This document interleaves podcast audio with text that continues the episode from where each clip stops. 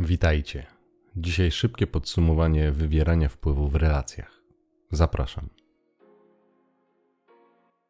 Przytłaczająca większość ludzi, będąc w związkach, próbuje manipulować. Jedni bardziej, drudzy mniej udolnie, ale jest to fakt. Powód jest bardzo prosty. Ludzie są egoistami i chcą osiągnąć swoje cele jak najmniejszym kosztem. Czasem te cele są podświadome, czasem osoba manipulująca nawet nie wie, że manipuluje, ponieważ zgodnie z moralnością Kalego zracjonalizuje sobie swoje działania.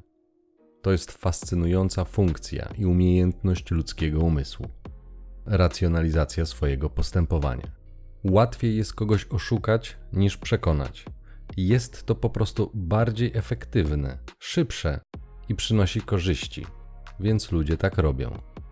Często równocześnie oszukując samych siebie.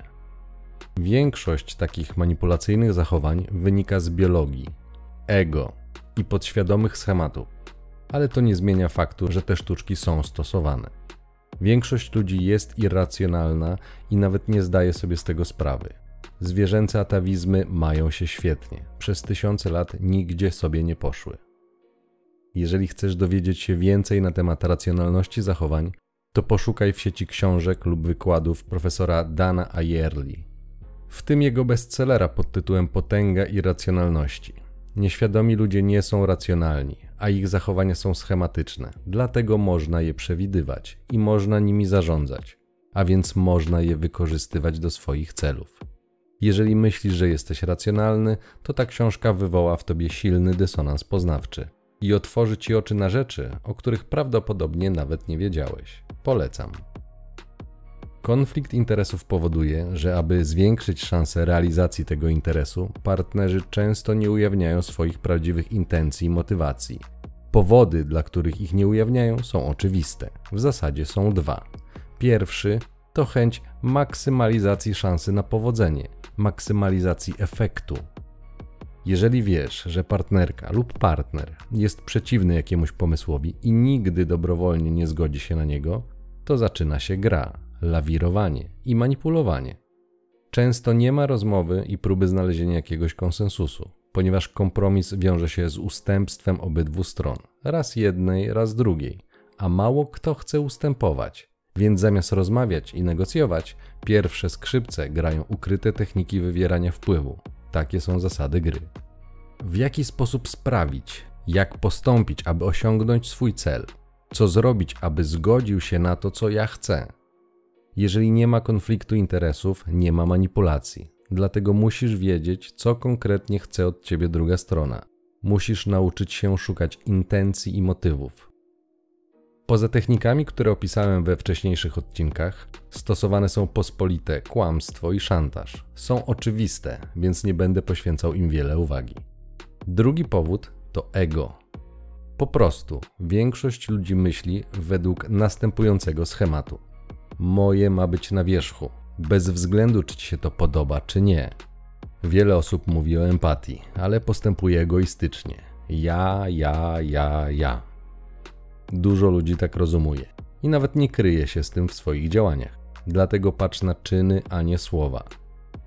Smutne jest to, że nie zdają sobie z tego sprawy, dopóki nie odwrócisz sytuacji i nie postąpisz wobec nich tak, jak oni wobec ciebie.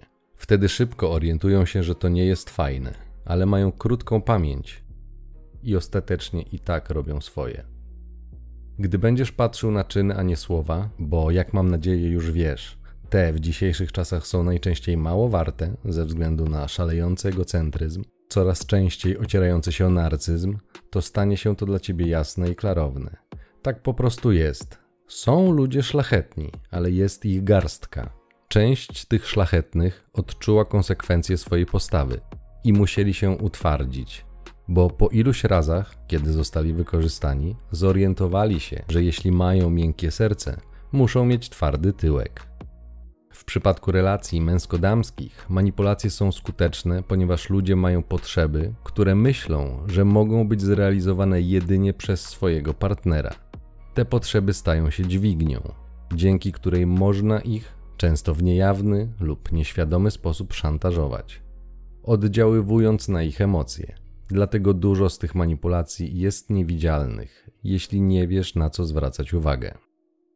Podstawową dźwignią jest przyjemność. Może ona przybierać różne formy, ale sprowadza się do dwóch rzeczy. Pierwsza to przyjemność wynikająca z kopulacji, z tego koktajlu hormonalnego, który towarzyszy zauroczeniu, a który z miłością ma niewiele wspólnego. To ważne, abyś zauważył, a następnie zrozumiał, bo wtedy zniknie możliwość grania tobą przy użyciu tej dźwigni. Biologiczna cecha mężczyzn, mam na myśli podniecenie, jeżeli ją dostrzeżesz i będziesz jej świadomy, to automatycznie zacznie mieć nad tobą mniejszą kontrolę. Dlatego cały czas mówię o rozwijaniu świadomości i poznaniu samego siebie. Zastanów się, dlaczego nie uganiasz się za babciami? Ponieważ cię nie podniecają. To jest tak proste. Gdyby taka babcia zaczęła cię szantażować brakiem dostępu do sypialni, to parsknąłbyś śmiechem, odwrócił się na pięcie i powiedział sayonara. Dlaczego? Bo nie zależy ci na dostępie do sypialni z taką kobietą. To jest tak proste. I dlatego młode, a przede wszystkim atrakcyjne wizualnie kobiety mają nad tobą przewagę, bo zależy ci na ich wdziękach i dostępie do przyjemności, jaką wywołują. Twoja biologia jest wykorzystywana, aby grać tobą. Spójrz na te grafiki. Pokazują one średni poziom testosteronu w zależności od wieku. Jeżeli jesteś młody i masz powiedzmy 20 lat, to w największym stopniu kierują tobą hormony i biologia. Więc mówię to, bo jako młody facet musisz wiedzieć, aby nie wpaść w pułapki, jakie wiążą się w szczególności z formalnym związkiem w dzisiejszych czasach. Jednocześnie wiem, że ciężko w to uwierzyć, szczególnie dlatego, bo jesteś młody i nie masz doświadczenia. Ale gdy będziesz trochę starszy, to znaczy gdy będziesz miał 30, 35, 40 lat, to nadal będziesz odczuwał podniecenie, ale nie będzie ono już tak impulsywne. Dzięki temu będziesz miał większą możliwość spojrzeć na sprawy z bardziej strategicznej perspektywy. Co w połączeniu z doświadczeniem sprawi, że nie będziesz ślinił się na widok pierwszego lepszego dekoltu czy krótkiej spódniczki. Nadal to będzie fajny widok, ale już łatwiej będzie ci opanować burzę hormonów. Wszystkie panie doskonale wiedzą, że faceci dostają małpiego rozumu na widok kawałka piersi lub tyłka. Wiedzą i śmieją się z tego. Zastanawiają się nawet, jak to możliwe, że jako samce jesteśmy aż tak głupi, że łapiemy się na to. Jednak nie miej złudzeń. Gdy trzeba tym grać, to nie mają z tym problemu. Jeżeli jeszcze o tym nie wiesz, przekonasz się o tym. Sypialnia to biologiczna dźwignia na wywieranie wpływu na Twoje zachowanie jako faceta. Jeżeli nie będziesz zdesperowany i potrzebujący, to siła oddziaływania kobiecych manipulacji drastycznie spada, bo po prostu, kiedy je zauważysz, masz możliwość je ukrócić lub odejść. Bo nie jesteś zależny, bo znasz swoją wartość, bo nie można cię wtedy szantażować brakiem dostępu do sypialni. Gdyby nawet wiązało się to z zakończeniem relacji, to nie będziesz z tego powodu cierpiał, bo nie zależy ci na tym aż tak bardzo. Takie są zasady gry. Możesz to bardzo łatwo przetestować. Jeżeli do tej pory byłeś w swojej relacji z kamlającym o partnerem, to przestań taki być. Przestań się prosić o dostęp. Zajmij się sobą partnerka zauważy tą zmianę, a gdy ty przestaniesz być potrzebujący, to po kilku, najdalej kilkunastu dniach role się odwrócą. Powstrzymaj się i odmów pani jeszcze kilka razy. Przecież nie jesteś maszyną i możesz nie mieć ochoty. Panie mówią tak nagminnie. Tylko nie mów, że boli cię głowa, bo kobieta po takim tekście w sekundę wie, że kręcisz. Zamiast tego powiedz po prostu, że nie masz ochoty będziesz zasypywany tysiącem pytań, co się stało, co się dzieje i tak. Nie ulegnij i trzymaj się wersji, że po prostu nie masz ochoty. Nie wiesz, co się dzieje, ale po prostu nie masz chęci, jesteś zmęczony. Jeżeli uważnie słuchałeś poprzednich odcinków, to na pewno zauważyłeś, że takie zachowanie jest wycofaniem Twojej męskiej atencji, a panie tego nie lubią. Czyny, a nie słowa. Przekaz, jaki generuje takie zachowanie, jest dla pani głośniejszy niż jakakolwiek kłótnia. Bądź spokojny, komunikat zostanie odczytany perfekcyjnie. Wtedy najczęściej zobaczysz wprost niesamowitą potrzebę miłości ze strony kobiety. Przekonasz się, że sypialnia może być testem oraz zobaczysz działanie prawa Briefulta w praktyce. Nie popełnia jednak błędu i nie myśl, że dostałeś to za darmo. Odblokowanie sypialni ma w takim przypadku swój cel. Kobiety najczęściej grają sypialnią, kiedy chcą coś uzyskać. Zachęcają cię, żebyś coś zrobił, dając ci do niej dostęp, lub karają cię brakiem dostępu, kiedy zrobisz coś, co nie jest im na rękę. A ponieważ każdy człowiek woli przyjemność od jej braku, to ta metoda działa. To jest element tresury lub jak kto woli warunkowania klasycznego. Pożądany bodziec daje nagrodę i w ten sposób następuje pozytywne wzmocnienie pożądanych zachowań, w przyszłości zwiększając szanse na powtórzenie takiego zachowania. Brak przyjemności uznawany jest za karę i powoduje unikanie zachowania dającego nieprzyjemne konsekwencje. Takie są zasady gry, dlatego naucz się wychodzić poza strefę komfortu, bo wtedy szybko zorientujesz się, na czym polega istota tej gry. Przypominam też, że samice są strażniczkami przyjemności, samce są strażnikami związku. Nie jest tak, że jesteś bezsilny, wręcz przeciwnie, z biologicznego punktu widzenia masz wielki wpływ na relacje. Bez ciebie ona nie istnieje. Pamiętaj o tym, bo cała siła kobiet wynika z tego, że chcesz coś od nich. I najczęściej robisz słaby interes, oddając wszystko za dostęp do ich wdzięków. To będzie odczytywane jako słabość. Drugi element, na którym zależy, wbrew pozorom spore ilości facetów, a widziałem, że wpadają w tą pułapkę nawet 60-letni mężczyźni, to potrzeba emocjonalnej bliskości. W tym wieku nie chodzi już o sypialnię, bo popęd u faceta 60-letniego istotnie się zmniejsza w porównaniu do 20-latka, ale potrzeba przyjemnego spędzania czasu, potrzeba akceptacji, a może nawet bycia zaopiekowanym zostaje. Wiele osób, w tym też facetów, nie lubi być sama. Panie są w stanie generować przyjemne emocje również poza sypialnią. To też jest przyjemność, dlatego można nią grać. Facet ma dodatkowo instynktowną potrzebę ochrony swojego stada, więc jeżeli pani przez swoje miłe zachowanie na początku zostanie uznana za członka tego stada i wkupi się w łaski takiego faceta, uzyska przez to wpływ na niego. W takim przypadku nie musi dawać tyłka, ale wystarczy, że zacznie komplementować zaradność faceta lub inne jego cechy, przez co będzie pompowała jego dobre samopoczucie. To element manipulowania samooceną, wyjaśniłem to w odcinku 35. Wystarczy nawet samo przytulenie, aby generować przyjemność. Widziałem 70-latka, który koncertowo wyłożył się na tym. Dlatego musisz wiedzieć. Ważne jest, abyś nauczył się rozpoznawać, co jest manipulacją, a co jest szczerym zachowaniem. Tutaj nieocenione jest stosowanie zasady czyny, a nie słowa. W przypadku manipulacji, kiedy masz z nią do czynienia, w krótkim czasie po zastosowaniu jakiejś techniki wywierania wpływu, pojawi się niewspółmiernie duża prośba lub żądanie, abyś zachował się zgodnie z wolą manipulatorki. Czasem, co cwańsze osobniczki stosują metodę dwutaktu, czyli za pierwszym razem są miłe, pozornie, bezinteresownie. Ale już za drugim razem pojawia się prośba. Na marginesie, poza związkowym, często będzie tak z ludźmi, z którymi nie miałeś dłuższy czas kontaktu.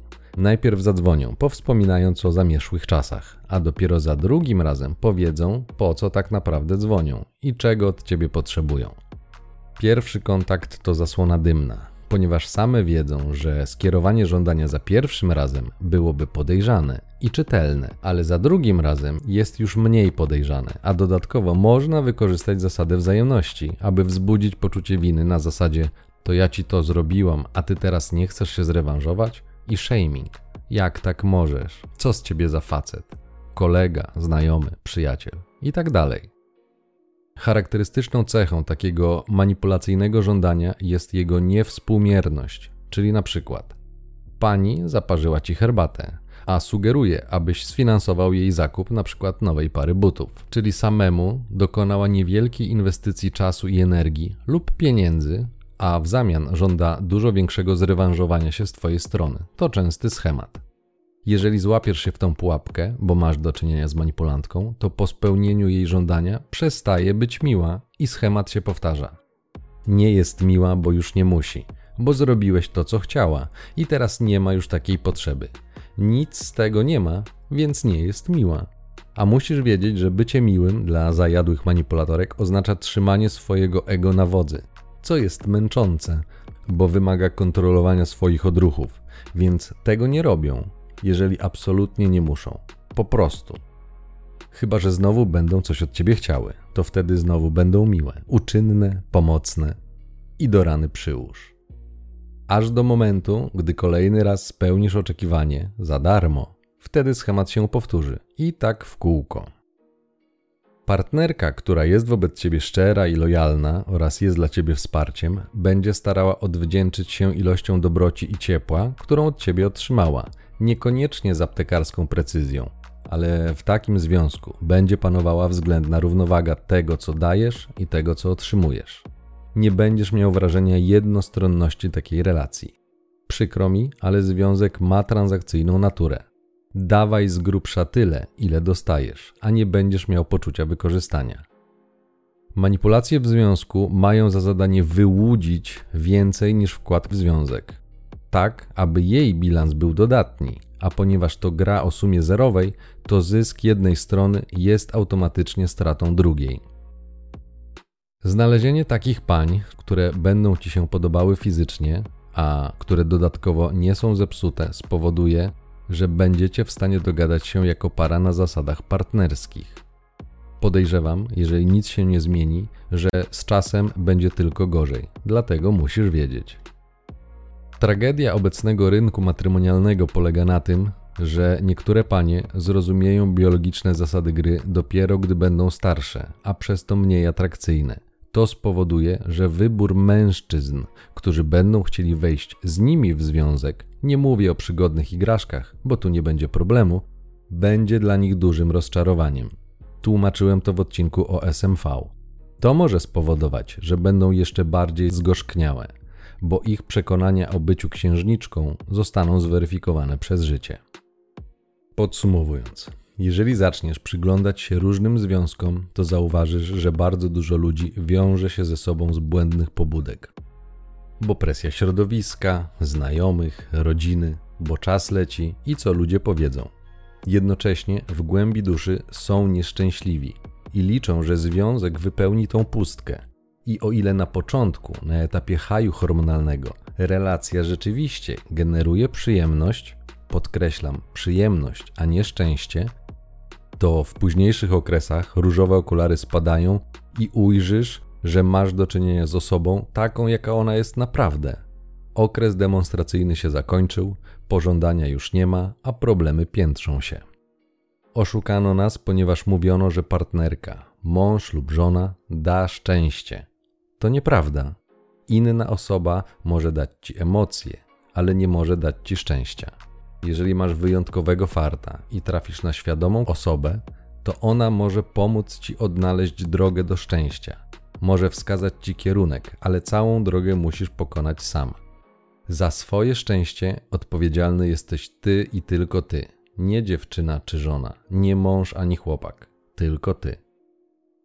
Większość ludzi jest nieszczęśliwa. Dodatkowo sprzyja temu kultura konsumpcyjna, która wmawia, że zakup nowego produktu daje szczęście. Nie daje. Habituacja sprawi, że poziom Twoich emocji opadnie, bo przyzwyczaisz się do bodźca, który je powoduje. Podobnie jest ze związkiem. Nowy partner, nowa partnerka to nowe emocje, nowe podniety, ale do czasu. To również nie jest szczęście. Kiedy kłamstwo z bajek Disneya czy seriali wychodzi na jaw i iluzja szczęścia w związku pryska jak mydlana bańka, zaczyna się frustracja i obwinianie. Że przecież miało być tak pięknie, ale skoro nie czuję już tych emocji, to miłość się skończyła. A twoja pozornie bratnia dusza przestaje być w ogóle znajoma. W taki sposób cię oszukano, sprzedając fałszywe idee, fałszywe przekonania, które nie mogą utrzymać się w konfrontacji z życiem one są też powodem Twojego cierpienia. Pomijając biologiczne mechanizmy, jak na przykład hipergamia, panie na ogół uważają, że jeżeli będą kontrolowały sytuację, to będą szczęśliwe. Paradoksalnie, im bardziej będą kontrolowały faceta, tym większą odrazę będą do niego czuły. Takie są zasady gry. Zachęcam cię, jeżeli miałeś do czynienia z osobą manipulującą w kontekście związku, abyś szczerze odpowiedział sobie na pytanie – Dlaczego trwałeś w relacji, która ci szkodzi? Na co liczyłeś? Czego chciałeś od drugiej osoby? Jeżeli będziesz wobec siebie szczery i nie będziesz się oszukiwał poprzez wywołanie racjonalizacji, to odkryjesz, że powody, dla których znosiłeś te manipulacje, były w istocie bardzo egoistyczne. Chciałeś uzyskać coś w zamian.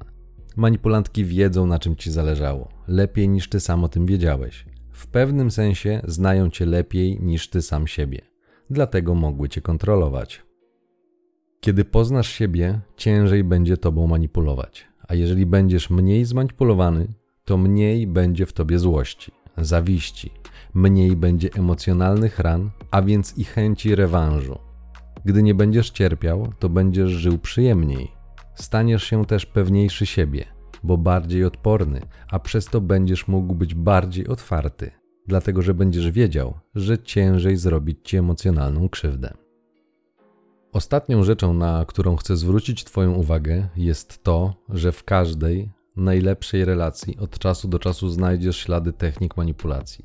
Nie zawsze musisz mieć do czynienia z narcyzem lub borderką. Czasem jest to kwestia złej interpretacji słów, czasem braku wystarczająco jasnych komunikatów oraz dobrego ubrania myśli w słowa i przez to braku zrozumienia intencji drugiej osoby. Jeżeli natomiast będziesz miał do czynienia z osobą toksyczną, a poznasz ją po tym, że będzie stosowała wymienione techniki oraz inne, ale bazujące na tych samych mechanizmach na okrągło, to wiedz, że to jest osoba najczęściej uszkodzona lub nawet chora. Przykro mi, ale w większości takich przypadków nie jesteś w stanie jej pomóc. Ona potrzebuje terapii i jedyne co możesz zrobić to ratować siebie i swoje zdrowie psychiczne. Zamiast taplać się w emocjonalnym bagnie, lepiej poszukaj kogoś innego. Może i brutalne, ale prawdziwe.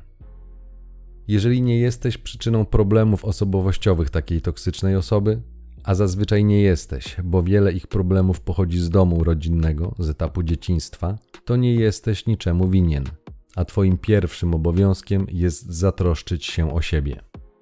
Nie bądź wtedy matką Teresą, nie chcij pomóc wszystkim, zacznij od siebie. Nie byłeś pierwszą ofiarą takiej osoby i nie będziesz ostatnią. Oczywiście da się też manipulować toksycznymi ludźmi, mimo że na pierwszy rzut oka wyglądają na wszechmocnych. Oni też mają swoje traumy. Tak samo mają triggery, na które reagują i które pozwalają kontrolować ich. Podstawową cechą manipulantów jest to, co może wydać się dziwne, że brak im prawdziwej pewności siebie, a często, nawet tak jak w przypadku narcyzów, mają potężne zaburzenia osobowości. Nie widać tego, bo doskonale to maskują i nie chcą, abyś to zauważył, ale mają dziesiątki lat doświadczenia, więc są w tym wybitnymi ekspertami. Nie miej wątpliwości, to ludzie nieszczęśliwi wewnętrznie, najczęściej z poważnymi problemami natury psychologicznej. Mimo, że na zewnątrz mogą zdradzać wszelkie oznaki sukcesu, można nauczyć się z nimi egzystować, ale najbezpieczniej jest nie wdawać się z nimi w relacje, a po rozpoznaniu ich toksyczności po prostu odejść. Możesz chcieć odegrać się za cierpienia, których doznałeś, i wiem, że część z Was, może nawet większa część, będzie chciała to zrobić. Zranione ego da o sobie znać. Nie potępiam, ponieważ rozumiem, co czują takie osoby. Mówię tylko, że mszcząc się, nie poczujesz się tak dobrze, jak dziś wydaje ci się, że będziesz się czuł. Tak nie będzie, a gdy zdobywając wiedzę zrozumiesz, dlaczego takie osoby zachowują się w toksyczny sposób, zrozumiesz, że to tak, jakbyś chciał zemścić się na kimś niepełnosprawnym, dlatego że jest niepełnosprawny. Jeżeli poświęcisz czas, aby zrozumieć i zaakceptować rzeczywistość, tak właśnie się stanie. Wtedy też wybaczysz im i będziesz mógł iść dalej ze swoim życiem. Dopóki trzymasz w sobie urazę, pielęgnujesz chęć zemsty, tylko podlewasz niszczące ciebie uczucie. Karmiąc je, robisz krzywdę sobie. Ciąg dalszy nastąpi.